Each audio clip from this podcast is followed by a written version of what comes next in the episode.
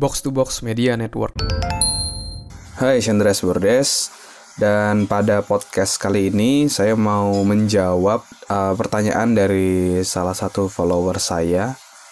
Dia bertanya seperti ini. Malam bang, aku mau tanya apa ya yang yang biasa membuat kita terjatuh pada suatu kesalahan yang sama.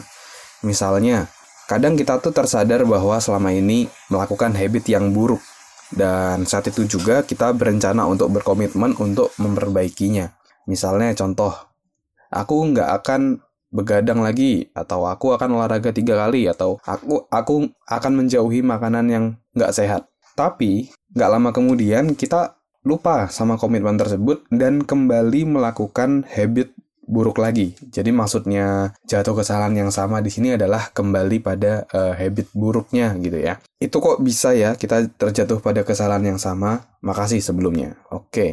Thank you pertanyaannya at kie kecil ya akun Instagramnya. Thank you atas pertanyaannya. Pertanyaan yang sangat menarik. Uh, gimana caranya agar kita tidak jatuh dalam kesalahan yang sama atau mungkin lebih tepatnya uh, kembali ke dalam pola lama atau habit lama.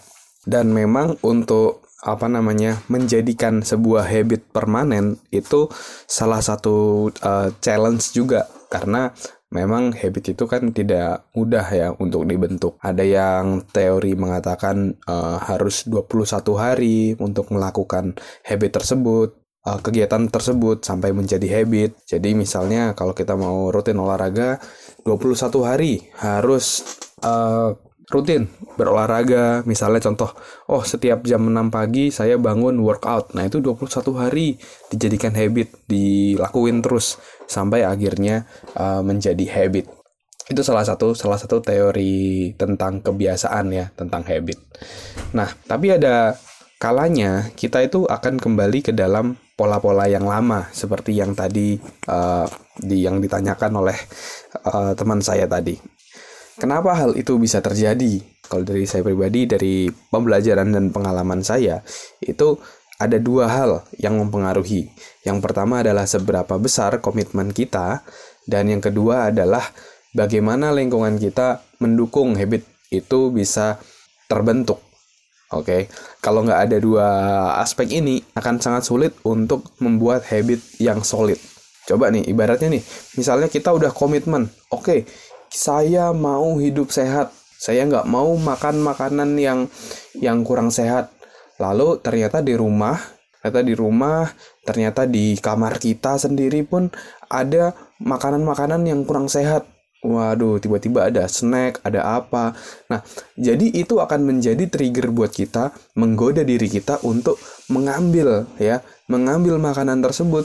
Akhirnya yang awalnya komitmen untuk bisa makan sehat eh jadinya nggak akan sehat. Nah, jadi dua hal ini harus ada. Komitmen dalam diri, uh, why, kenapa kita harus memiliki habit tersebut, serta lingkungan ya sekitar kita yang mendukung kita untuk bisa terus memiliki habit tersebut harus sama-sama uh, berjalan kayak gitu. Untuk komitmen kita perlu mengetahui dulu nih. Yang pertama tahu apa why-nya. Kenapa kita mau membentuk habit tersebut? Kalau kita coba teman-teman bisa tuliskan apa untungnya kalau teman-teman punya habit tersebut. Lalu apa ruginya kalau teman-teman nggak punya habit tersebut. Lalu coba teman-teman pejamkan mata, teman-teman melakukan satu yang namanya future pacing. Coba dibawa ke lima tahun lagi. Kalau misalnya teman-teman punya habit tersebut gimana? Kalau nggak punya habit tersebut gimana? Gimana rasa painnya, rasa sakitnya? Gimana happy-nya kalau misalnya punya habit tersebut? Sehingga teman-teman punya satu yang namanya uh, motivasi internal lah. Why kita mau ke sana? Dan kalau mau lebih kuat lagi buat satu yang namanya public commitment sampaikan ke orang lain uh, apa goal kita, uh, terus report secara berkala bagaimana progres kita. Nah, itu akan mendukung pencapaian uh, habit kita juga, membentuk habit kita kayak gitu. Sampai akhirnya di suatu titik itu akan menjadi sebuah habit. Lalu yang kedua adalah lingkungan. Nah, kadang-kadang kalau kita hanya menggunakan uh, willpower itu akan sangat berat sekali karena setiap hari willpower kita tuh terbatas. Kayak tadi contohnya misalnya, wah saya nggak mau makan uh, apa namanya saya nggak mau makan yang nggak sehat saya mau nggak mau makan yang nggak sehat. Tapi di sekitar kita ada makanan-makanan tersebut gitu ya. Kita sengaja kayak misalnya beli-beli kayak snack-snack yang kurang sehat. Dan itu itu itu sangat sulit. Saya baca satu buah buku yang menarik namanya personal MBA di situ katanya kalau kita mau bikin habit lebih baik gunakan willpower kita untuk membentuk lingkungan kita untuk mendukung kita membentuk habit tersebut sehingga perubahan perilaku tadi lebih cepat untuk berubahnya. Misalnya, kalau misalnya yang tadi mau, mau hidup lebih sehat, ya udah berarti makanan-makanannya pun yang ada di sekitar Anda ya berarti ya harus yang sehat-sehat.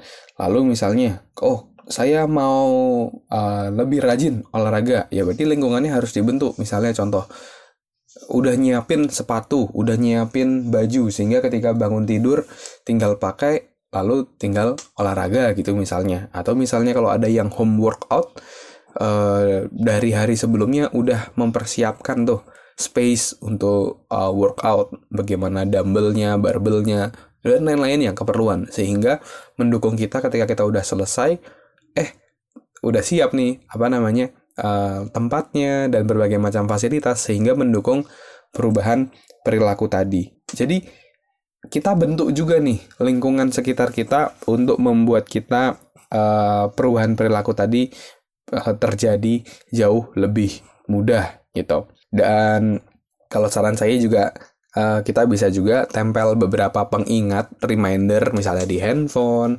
uh, atau misalnya di kaca dulu saya masih ingat saya pas dulu lagi uh, diet gitu ya lagi rajin-rajinnya fitness dan lain-lain saya tempel goal saya uh, tubuh ideal saya itu seperti apa sih targetnya? Itu saya tempel di kaca jadi ketika bercermin saya langsung ngebandingin gitu ya dengan target saya dan saat ini.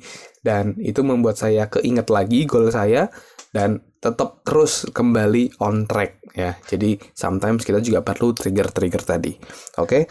Jadi tiga poin ya untuk menjawab bagaimana cara agar tidak kembali ke pola yang sama. Yang pertama adalah punya komitmen yang tinggi, yang kedua didukung oleh lingkungan sekitar yang kita desain untuk uh, membantu perilaku kita untuk lebih cepat untuk berubah sesuai dengan yang kita inginkan. Dan yang ketiga adalah buat sebuah trigger gitu ya, buat sebuah trigger apa yang harus uh, agar kita selalu ingat uh, sama goal kita. Oke, mungkin itu dulu teman-teman. Semoga bisa menjawab ya agar kita bisa tidak kembali ke pola yang lama atau kejatuh kesalahan yang sama ya. Kalau menggunakan kata-kata dari uh, teman saya tadi, semoga bisa bermanfaat. Kalau kamu ada pertanyaan tentang, pengembangan diri, tentang karir, kehidupan, dan lain-lain, kamu juga bisa DM saya di Instagram di @andreasbordes dan pertanyaan kamu akan saya jawab melalui podcast ini. Oke? Okay? Thank you semuanya. Sukses selalu and keep healthy.